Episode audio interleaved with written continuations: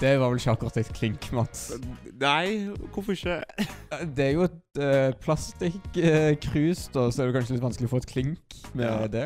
Og nå knakker jeg det heller òg, så det, det er ikke så mye oppi akkurat nå. Lite innhold, men det blir det i hvert fall ikke i denne podden. For uh, velkommen skal du være til andre episode av Bakrus. Det er en pod for uh, de dagene, da for dagen derpå.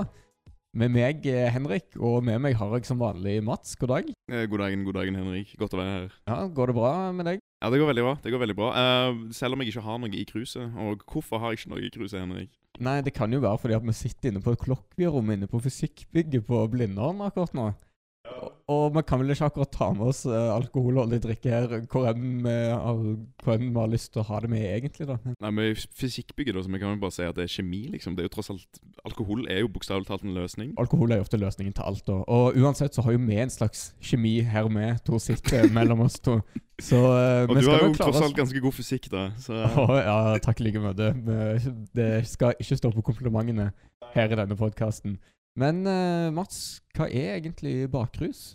Uh, Bakrus er en eh, ukentlig, forhåpentligvis, uh, podkast for uh, beregnet for folk som gjerne er i bakrus, har bakrus. Jeg er ikke helt uh, enig med meg sjøl hvilken eh, Hva som er rett terminologi? som er her? rett terminologi her. Eh, det er iallfall lett prat og piss, eh, og litt sånn forsøk på underholdning. Ja, forsøksvis. Det kan være både god og dårlig underholdning. Det er tross alt på fysikkbygget vi driver med komisk forskning her. Ja, det er akkurat det vi gjør. Har du gjort noe spesielt siden sist gang vi hadde podkast? Har ikke så veldig mye spesielt. Jeg har fått litt tilbakemelding for at jeg bruker et uh, appropriert uttrykk litt veldig mye. Jeg sikter selvfølgelig til den engelske vendingen og forkortelsen av eh, bror, som da blir uh, bro. Ja, det var vel en god del uh, tilfeller der du avslutta en setning med 'bro'. Ja, jeg, jeg prøvde liksom bare å skape en litt sånn fraternal, er det det det heter? Stemning i podkast. Ja, er sånn frat party-stemning. Ja, så det ble litt eh, Det ble litt mye bro, rett og slett. Litt mye bro. Men jeg skal ikke komme og kritisere deg for mye, for jeg fikk jo litt tilbakemelding på at jeg brukte òg en frase litt ofte som er Og hvilken frase kan det være? Nei, det kan jo være en eh, frase som er veldig ofte brukt i sånne segwayer, da, som eh, Det var jo 'men uansett'. Ja. Og jeg tror jeg kanskje brukte det mellom hvert eneste segment vi hadde i forrige podkast. Så det må vi ta litt selvkritikk på, rett og slett. Og vi satser på at det blir bedre denne podkasten her. ja, forhåpentligvis. Mest sannsynlig ikke, men forhåpentligvis. Vi prøver i hvert fall.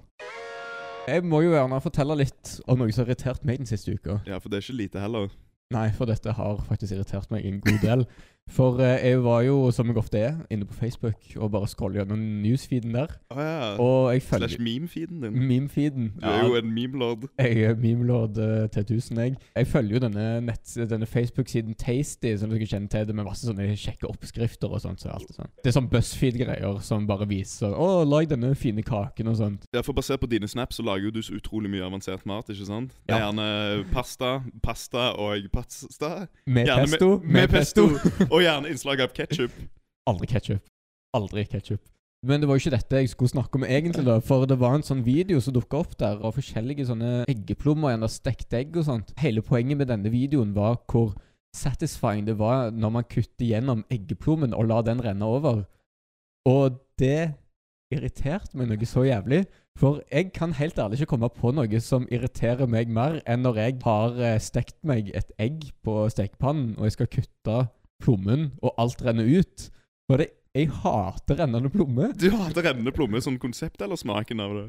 Konseptet. Smak, smaken er jo for så vidt grei, men det er bare det at det skal være et, at det skal være så jævlig satisfying å se en eggeplom renne. Jeg forstår det ikke. Det blir så jævlig mye søl på tallerkenen. Det er så jævlig mye styr etterpå. Så Dette er altså tosidig. Én, du hater faktisk å få sølt plommer, og du hater at folk påstår at dette her er satisfying. Folk syns mye rart er satisfying, og det forstår jeg bare ikke. Og det, det, det lukter litt sånn desperat forsøk på å få klikk av disse som legger ut disse videoene. ja, ja, absolutt. Se hvor u- usannsynlig satisfying det at jeg spiser en blyant. Ja, bare, Å, du kommer til å få orgasme når du hører lyden av, en, uh, av et kølleblad som treffer pucken. Topp ti mest satisfying innpakning av gaver. Nummer fem vil få deg til å mm, ligge med far din. Jeg må riktignok si at det er noen av disse som jeg òg syns er satisfying. Når pucken møter kølleblaggbukken. Det er kanskje beste lyden jeg vet om, men det er ikke satisfying. på en måte Men det er litt sånn En veldig fin lyd, da. Du vil egentlig starte en ASMR? En ishockeybasert ASMR-podkast? Ja. Ja, ok, Vi kan forsøke oss det. Vi kan, vi kan prøve det neste podkast, Neste podkast. Vi skal over til en eh, kjent og kjær spalte, kan vi vel si, etter å ha hatt den én gang, nemlig Wiki-hjørnet. Jeg kjenner jeg gruer meg til Wiki-hjørnet, bare fordi at du har sikkert valgt noe som på en måte genuint alle må vite noe om, og så kommer jeg til å flunke. I og med at eh, det nå er november, som dere sikkert vet, uh, Movember denne måneden, så vi skal til en, eh, en skikkelse som er kjent for å ha en ganske karakteristisk bart. Åh, jeg, trodde Han, han er kjent for å ha sitt virke på begynnelsen av 1900-tallet, og han har eh, vært diktator. Snakker selvfølgelig om Charlie Chaplin. Nei! Jeg var redd for at jeg måtte bli quizzet i ballekreft. Liksom. Oh, nei, nei. Det, prostatakreft det skal, kommer ikke til å snakke så veldig mye om denne podkasten, tror jeg. Men alle som har blitt uh, tvunget til å se Charlie Chaplins uh, Modern Times på barneskolen, vil vel kanskje påstå at Chaplin er litt ballekreft. Ja. Men Mats, det jeg eh, lurer litt på først, da, det er hvilken dag han døde. For det kan jo gi et hint, for det er en veldig sånn spesiell dag. Det er en høytidsdag. Du kan få tre sjanser. Tre sjanser. Så tenker jeg tre sjanser, tre nøtter til Askepott. Er det julaften? Nei, men du er veldig nærme. Å, jeg er veldig nærme. Nyttår. Nei, men du Det er, du, du, det er inne i romjulen. Ok, Vi skal holde oss i romjulen, altså. Ja. Space Christmas. Eh, er- altså Typ sånn andre, første, andre, tredje juledag ish. eh, Du nærmer deg nå. Det, Oi, oi, det også, denne dagen er jo kanskje viktigere i eh, andre land enn den er i Norge, da. Så vi snakker Boxing Day. Nei, vi snakker, vi snakker 25. desember, Christmas Day, som er liksom den store Ah! dagen for uh, folk i Amerika Ja, ja, ja, og England. Sånn. Ja, nettopp. Den burde du egentlig ha klart. Ja, strengt tatt. Og- Og det er jo andre juledag, så du er jo jævlig nærme. Så du hadde liksom både 24. og 26. desember, men ikke 25. Det var ikke Boxing Day, det var Wrestling Day. Etterfulgt tett av Karate Day. Ja, akkurat. Men uh, Charlie Chaplin døde jo da i eh, 1977. Men i 1978 så skjedde det noe spesielt med graven hans. Hva var det som skjedde da? Han gjenoppsto! Ja. Nei, det var ikke det, altså. Eh, ble, ble han vandalisert? På en måte, ja. Jeg skal, jeg skal, deg, jeg skal gi deg riktig på det. For det som skjedde, det var at uh, liket hans ble gravd opp og stjålet av en liten gruppe sveitsiske mekanikere. Hen, for hensikten var å presse penger fra familien. Altså, Sveitsiske mekanikere, du kan ikke stole på dem. Tar aldri sjansen bort for å skaffe seg litt ekstra penger, vet du. Nei, men En gang de er ferdig med å mekke en klokke og spise litt sjokolade, så kommer du og graver opp liket ditt, og så får han presset ut kornet ditt. Ja, ja. Det er typisk. Det skal nevnes at denne konspirasjonen feilet, som det står på, eh, som det står på Wikipedia. Og nå er liket gravlagt på nytt under en 1,8 meter tykk betongplate for å forhindre ytterligere forsøk. Altså, det, det, det er greit nok at uh, det ligger en betongblokk over sånn, men det fins jo flere kjendislik du kan grave opp. Hvorfor akkurat Charlie Chaplin? Det er vel kanskje en av de få kjendislikene som ligger i Sveits, da. Men da er det jo nye planen å ta livet av Roger Federer, som er sveitser, korrekt? Ja, ja, Ja, ja, ja. da, har vi, da har vi planen. Dere Ikke sant? hørte det ikke her først. Plasser litt eksplosiver i tennisballen, så får han det rett i trynet. Og så stjeler du liket han sitter på og presser ut uh, frøken Federer, som jeg antar eksisterer. Og kanskje får med litt sånn gratisprodukter fra Gillette, som han tross alt er sponsa av. Ikke sant? Og ikke minst Barilla, som da òg er sånn pastaprodukt som eh, kjører Ah. pastaprodukter. og Kan få det precious, precious pesto. Men du vet jo hvem som egentlig kommer til å bedrive utpressing. Det er jo Gillette sjøl. The best man can get.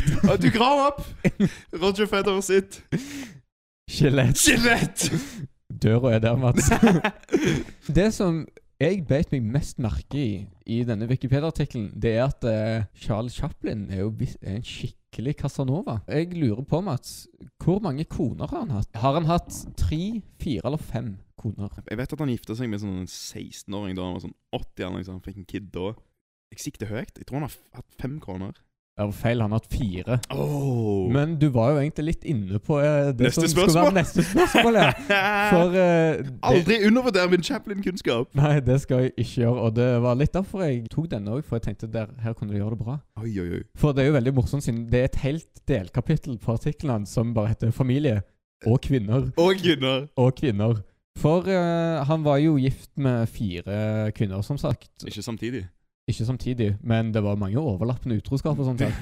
Men vi kan jo snakke om eh, den siste konen som han tross alt var sammen lengst med. da Var gift i 14 år. Og eh, hun heter jo da Un Una O'Neill. O-O-N-A. Una O'Neill. Una O'Neill.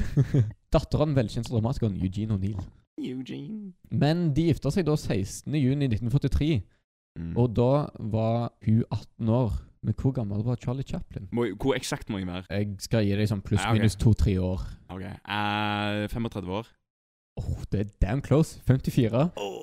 Så den er Den skal du få poeng på, altså. Så Og de fikk 35 er ikke nærme 54. Å ja, fader. Jeg, jeg ble forvirra. 35 Ja, men fem, Sitter på fysikkbyggebanen, vi må ha matten på plass. ja, men 35 til, Jeg tenkte bare femmer først, og så så Ah. jeg på 54 nå, så Ja, for vi bruker sånn advanced math der du bare kan flippe om sifrene, ikke sant? ja, bare pff, Helt sykt. De, ja, de fikk åtte barn til sammen, og de siste barn, Christopher, ble født da Chaplin var hvor gammel? Da går jeg tilbake til det, det jeg leder inn med. Det. Jeg tenker han var 78 år gammel. 78? Ja. Han var ikke det, men du er ganske close. Han var 73. 73. Som òg er jævlig gammelt for å få en unge. Så Ja, tenk det er lenge å ikke skyte blanks, for å si det sånn. Jeg tror det rett og slett var det siste spørsmålet jeg hadde. altså. Så dette var Charlie Chaplin. Dette var Charlie Chaplin, hans liv og virke. Mest hans uh, kjærlighetsliv, kanskje, men det var det som var lettest å gripe fatt i, syns jeg. Og til alle der ute, pass på å ikke stjele lik, for da kommer det en 1,8 meter eh, betongblokk mellom neste gang dere prøver på nytt.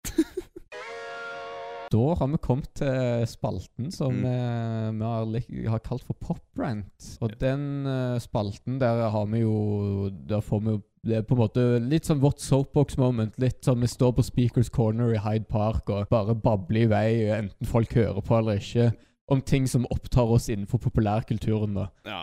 Og du, Mats, du har jo alltid vært en stor fan av uh, en viss junior-filmserie, i hvert fall. ja, det kom ut nesten litt feil, det. Men eh, Det ja, hørtes veldig feil ut, men uh, dere skjønner dette kartet. vi vokste jo opp med disse tre kjente karakterene uh, i denne såkalte Olsen-banden. Må innrømme jeg har ikke så veldig kjært forhold til de gamle filmene, verken de danske eller de norske. Men Olsenbanden junior var et fenomen som greip meg. Og jeg vil påstå at iallfall på Rockeren var en ganske generasjonsdefinerende film på eh, sitt vis. Absolutt, den husker jeg at jeg så på kino. Og ikke minst så er jo kanskje julekalenderen Ja. Olsenbanden juniors første kupp kanskje en av de julekalenderne som står mitt hjerte nærmest, da, hvis man kan si det sånn. Men uh, på tross av uh, Olsenmannens briljans, eh, så beit jeg meg merke i en liten ting som ikke gir helt mening. Og det er alderen og tidsperspektivet her. Sånn som jeg forstår det, så skal Olsenbanden junior det altså, Handlingen utspille seg seint 50-tall, kanskje? Sånn eh, 1959? Kanskje tidlig 60-tall?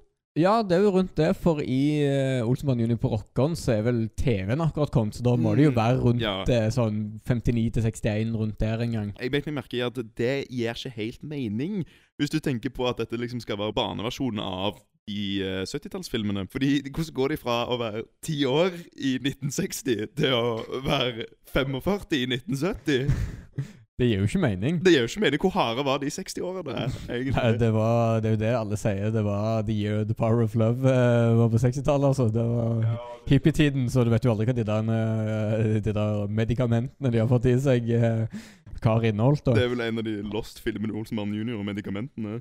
Ja, det kan jo være det. Ja, altså jeg føler at En bedre versjon hadde jo vært at uh, Olsenmann junior tok sted under naziokkuperte Norge. Mye bedre. Mye du, bedre. Kan du tenke deg spenningen du får der, liksom? Olsenmann junior og uh, terrorbovens terror. Uh, type uh, Olsenmannen kaper jødegull på vei. altså Olsenmannen uh, Olsenmann juniors kampen om tungtvannet. Ja, ikke minst! Tenk deg så Jeg har en bra plan. det. Nå tar vi og kaprer Vemork.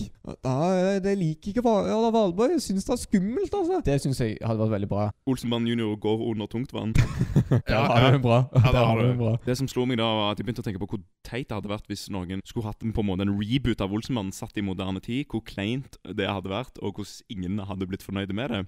Så selvfølgelig så måtte jeg jo google, og, og som jeg fant, så var jo akkurat det tilfellet. Det var det, Da ja. har vi Paradox Ja, Film som ja, har ja. kjøpt opp rettighetene og uh, skaffer seg noen med en grunker for å lage en antageligvis da gritty reboot, fordi vi lever jo i en tidsalder der alle gamle filmer må graves opp for å gitt en sånn moderne twist. da. Ja, det er litt sånn eh, Hollywood-klisjeen, nå, egentlig Vi snakket jo om Predator forrige uke. Så da har jeg en utfordring til deg, Henrik. Prøv å se for deg det dummeste manuset som de kunne skrevet. Våre predictions til hvordan Olsenbanden Olsenbanden 2019 kommer til å se ut. Jeg har en fæl følelse på at sosiale medier kommer til å være veldig tungt involvert i dette manuset her. Å nei! Kom igjen, gutter! Nå skal vi ta oss og infiltrere Facebooks eh, Eller vet du hva, vet du hva det som faktisk hadde vært enda verre Nå har jeg har faktisk Det Det dummeste. dummeste. Ja. De går inn i de der datalagrene der de mine Der de grinder bitcoins. Åh. Bare, Kom igjen, karer!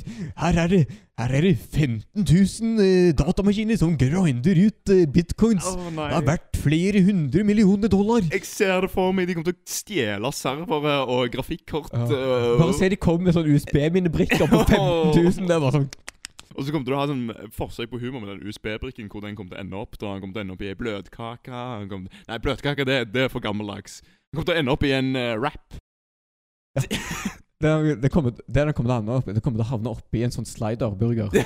ja. For å følge med tidens tann, eller i et sushibrett. Det, ja. det er den der tunfisken opp Det er den der røde tunfiskbiten på sushien. Det er selvfølgelig selve USB-minnebrikken. Ja, ja, Å nei. Og dynamitt-Harry, det er selvfølgelig C4-Harry nå, ikke sant? ja, ja. Eller droner. Ja, han har dro ja, å nei! De kommer til å inkorporere droner i dette her. Kristoffer Joner kommer til å være med. Garantert. Han, han kommer til å være skurken. Ja, eller enda verre, han kommer til å være Kjell. For Kjell er ikke redd. Han har posttraumatisk stressyndrom. Og da trenger du jo den dramatiske dybden som Joner kan tilføre. Men, ikke herregud, men herregud, Benny, husker du ikke Kjell i fjor? Ane Dahl Torp i rollen som Valborg. You heard it here first. Betson, Betson, Unibet, get on that! Altså, rollen som Dynamitt-Harry må jo gå til Jakob Skøyen igjen. da. Han var jo uh, som kjent med som Dynamitt-Harry Olsmann junior. Han er jo Jeg syns han kan ta den rollen ganske greit nå, er jo, men da er du jo litt satt fast i et mønster. Ja, er ikke sant? Da er du typecasta som Ja. en ekstremt spesifikk Ja. karaktertype. Det kjekkeste hadde vært hvis alle fra de originale Olsmann Junior-folka hadde vært med. Det hadde jo vært den ultimate Jeg, jeg tenkte ikke på det engang! Selvfølgelig! Det hadde vært fantastisk! Han Kjell jobber jo i TV 2 som kameramann, eller noe sånt, så han er jo inne i bransjen ennå. Og han, så, han som spiller Benny, jeg husker ikke navnet hans, men han var jo òg med og har sunget i High School Musical, eh, den norske dubben. Så det er jo åpenbart at de har noe der ennå. Og Jakob Skøyen, som sagt, er jo allerede involvert mye i, ennå i norsk populærkultur. Tenk Jakob Skøyen at du har liksom som tiåring spilt ut Dynamitt-Harry, og så ti år seinere så klarer du ennå ikke å unnslippe den karakteren. Da hadde jeg seriøst revurdert livet mitt. Vi gruer oss nok til denne rebooten. Vi skal nok få den med oss på kino, bare på gøy. Så vi kan komme tilbake med en skikkelig anmeldelse av den. Det jeg lurer på, at når de har reboot av Olsenbanden, hva er neste som får en gritty reboot? Fjols til fjells? Norske byggeklasser har det jo allerede reboot. Ja, ja, ja. Støv på hjernen. Støv på hjernen. Døden på Oslo S. Døden på Oslo S. Ja, den er nesten for moderne igjen. Da blir det bare sånn massemord på Oslo S, kanskje. Så blir det, Jeg du kanskje skjelver det. ja, ja, faktisk.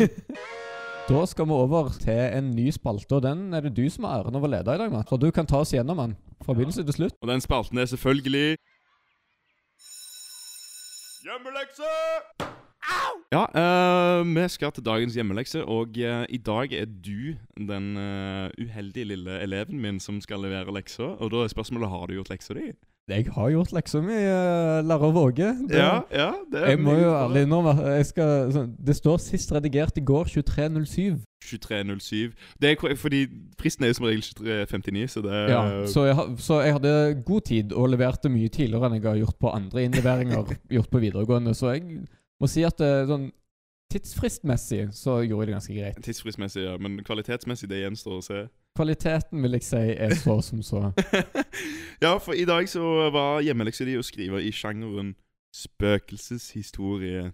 Også kjent som grøsser. Det stemmer. Eh, ikke sant? Og Rett og slett en norsk lekse i dag. faget er norsk, og oppgaven er grøsser. Og eh, Kreativ tekst. om du kreativ vil. tekst, om du vil. Hva han blir vurdert etter, er jo om han er skummel.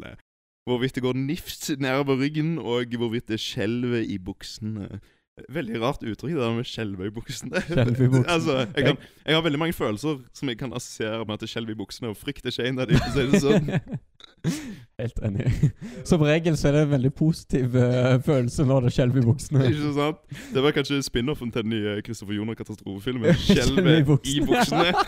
Det, er på, det er på bonusdisken på, på DVD-en på Blu-rayen. Vi skal høre fra deg, din uh, selvskrevne grøsser. Jeg vil bare si, hva, hva er magefølelsen på forhånd? Magefølelsen er at den er nok ikke så veldig skummel. Jeg må jo på forhånd si at det er jo ikke noen spøkelser. Vi bare tenker godt litt mer på dette grøsser-greiene. Ah, men da er det bare til å si til lytterne rett og slett å skru av lyset. Lukk igjen gardinene. Jeg hadde skrudd av lyset sjøl hvis jeg visste hvordan jeg brukte bryteren her inne, men den ser veldig avansert ut, så jeg skal ikke prøve meg. Så er det bare til å si uh, kjør hjemmeleksa di. Ja, jeg må bare si på forhånd denne Jeg har gitt den tittelen 'Dråpen'. OK. ok, de, Dette er da Dråpen. Dråpen. Jeg må bare komme inn i sonen først. Vi hadde gått langt nå. Lenger enn vi hadde trodd. Hvorfor leser du den som du er Kristoffer Joner? Jeg kan ikke ta det på bokmål. Ja, det er sant. det er sant. OK. Beklager. Vi hadde gått langt nå. Lenger enn vi hadde trodd. Det er ofte sånn det blir med sånne venneturer på hytta til fjellet. Fredrik var som vanlig irriterende positiv med pågangsmot. Ingen var lystne på å matche. Sjøl var jeg relativt godt trent, men med den dype søn, søn, snøen det ble det ekstremt tungt å gå det lange stykket det var fra parkeringsplassen og fram til hytta. Det var en av disse gamle hyttene på knapt 60 kvadratmeter som har stått der i hundrevis av år, og som fortsatt sto helt for seg sjøl, uten, at noen andre- uten noen andre hytter i umiddelbar nærhet. Vi var en gjen- vennegjeng som skulle på hyttetur sammen for første gang. Omsider så kom vi fram. Ja ja, sa Fredrik. Er ikke så gæren i dette her, eller hva? Fredrik pekte på hytta. Rød og liten. Da vi kom inn i hytta, ble vi møtt av et kaldt gufs. Ovnen hadde ikke stått på. Ovnen hadde ikke stått på, så hele hytta var ekstremt kald. Klokka, klokka var allerede blitt syv på kvelden, så vi var alle utålmodige med å få fyrt opp varmen. Vegard, kan ikke du ta oss og bli med og hente litt ved? Fredrik så på meg med stressa mine. Fordi han heter Vegard. Jeg-personen heter da Vegard. Ja, ja. Jo da, jeg kan vel det, svarte jeg. Hvis du hadde hørt litt mer etter, så hadde du sikkert skjønt. Altså, jeg syns ikke altså, altså, før vi fortsetter sånn, det, Jeg syns jeg syns læreren avbryter litt mye. her. Er det en elev som har gjort et viktig arbeid. Ja. Ja. OK. Jo da, jeg kan vel det, svarte jeg. Mens resten av gjengen gikk inn i hytta, gikk meg og Fredrik rundt på baksiden for å finne ved. I vedhaugen la jeg merke noe rart. En liten rød flekk. Ser du den flekken, Fredrik?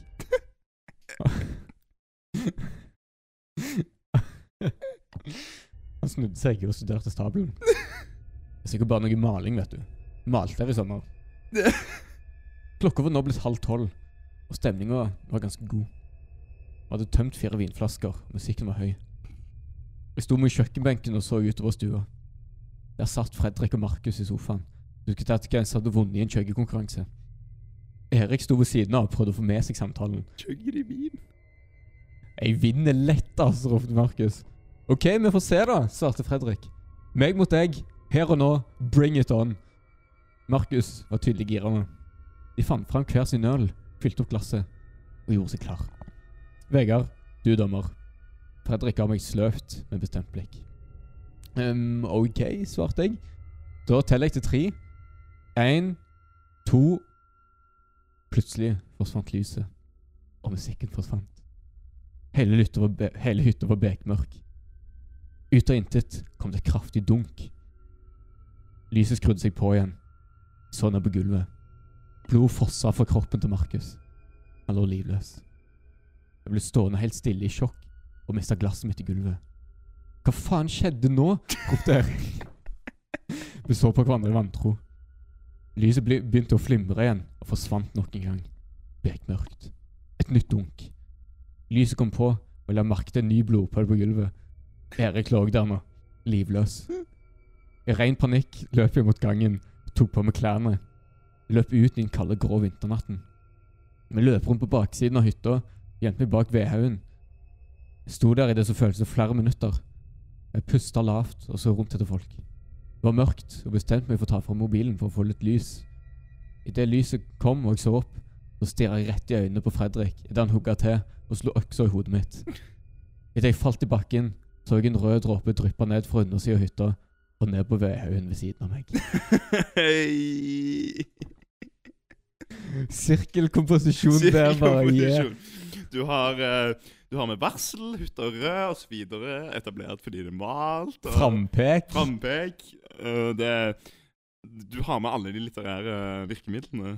Ja, eh, sånn rent strukturmessig så er det jo en god tekst. Mhm. Men det er jo på en måte innholdet, da. Så er det litt sånn Det som er mitt ankepunkt mot meg sjøl, er at det, for, sånn, Jeg satt jo og skrev den der i går kveld og bare tenkte sånn Herregud, jeg har jo aldri skrevet en sånn historie før. Jeg bare tenkte sånn Ja ja, vi får jo kjøre noen sånn klisjégreier. Sånn, alle er sånn tom hytte for seg sjøl oppe på fjellet. Så funker sikkert fint, det. Men uh, Kan jeg bare spørre, er det basert på en sann historie? dessverre ikke. Nei, ok. Men har du litt mer eh, feedback, eller? Det er jo du ja, som er jeg, jeg beit meg litt merke til at uh, i at uh, de chugga vin. Eh, det høres noe uortodoks ut. Det er uortodoks, ja, men det er jo tross alt hyttetur, og da er jo, da er jo alle hemninger løs. Og når du er gutta på fjellet, vet du, da Og når du tross alt har varselet som går igjen i den rødfargen, så må det jo egentlig være snakk om vin og ikke noe annet. Absolutt. Det er jo bare tematisk riktig. Ja. Hvordan var det å prøve å liksom emulere frykt og spenning? Hvordan var det du gikk fram i den kreative prosessen? Jeg merka meg fort at jeg har ikke sett nok og lest nok sånn skrekkgreier til å kunne finne inspirasjon fra noe. da. For skrekkfilmer og sånt er jo noe jeg har veldig mye mot, for å si det mildt. Så jeg har jo på en måte ikke grunnlaget, det kildegrunnlaget, for å kunne skrive en sånn historie. da. Så det var en liten utfordring, må jeg jo innrømme. Ja, Så du har de litterære virkemidlene. Det er bare sjangervirkemidlene, sjangertrekkene, Ja. er ikke helt på plass. Sjangertrekkene var nok det som var det mest utfordrende med å skrive denne teksten. Okay, Du skal få en karakter, ikke terningkast. Dette er jo tross alt uh, hjemmeleksa. Kan jeg bare si på forhånd at eh, bare sånn, Du kan gi hvilken karakter du vil, så lenge det ikke er de der bullshit 5 til 4 eller 4 til 5-karakterene. For det er noe av det verste. Det er det lærere som tenker hm, jeg, jeg vil gi deg denne karakteren, men jeg vil òg vise godvilje med deg, så jeg sier til 5. Ja, det er sånn Jeg har egentlig litt lyst til å gi deg en 5 minus, men den er ikke god nok til det, så jeg gir deg en veldig, veldig sterk 4 pluss. Ja, ja, å, tusen takk! Men eh, når, det er sagt, når det er sagt, historien din får 4 pluss. Ja, men altså, det, det oppsummerer egentlig hele mitt eh, liv på videregående. 4 pluss. Det er bra at at du ikke liksom Du har noen curveballs her, da. At du bare fortsetter. Ja, jeg, jeg bare her kjører vi på som vi alltid har gjort, vet du. Det er akkurat sånn det skal være. Neste hjemmelekse, det går vel egentlig til meg, gjør det ikke det? Den går rett og slett til deg, Mats. Og jeg har jo ikke tenkt på noe, for jeg tenkte jeg skulle ta det litt sånn på sparket. Du skal få en oppgave i sløyd. I sløyd! I sløyd. Er det, er det radiovennlig? kanskje ikke helt radiovennlig, men underholdende blir det i hvert fall eh, når du må beskrive den fuglekassen du skal lage. Å Å nei, å nei, dette har jeg vært borti før. Den ble ikke fin. Ja, Men da har jeg gitt grunnlag altså, å forbedre meg ut ifra. Du kan jo bare gå oppover derfra, på en måte. Det Ja. er jo eh, absolutt en fin tanke å ta med seg i det du skal gå inn i arbeidet med neste ukes hjemmelekse. Det er vel en eller annen sløydsal rundt omkring? Ja, det må jo være, altså Vi er jo på Blindern, de har jo garantert sløydbygninger, hadde ikke det? Kjører han Olsenmann og driller meg gjennom uh, reptilhus, eh, reptilparken inn til Steinerskolen. Ja. Absolutt. Da tror jeg rett og slett tida vår er i ferd med å renne ut, Mats. Det var kjekt å være med deg eh, denne uken òg. Og så vi ses jo selvfølgelig igjen neste uke Med fuglekasse i hånden. med fuglekasse i hånden og én fugl på taket. Ja, det er bedre med én fuglekasse i hånden og resten i, på Gran Canaria. Ja. Men med de ordene så sier vi tusen takk for at du hørte på denne ukens episode av Bakrus, og så ses vi igjen neste uke.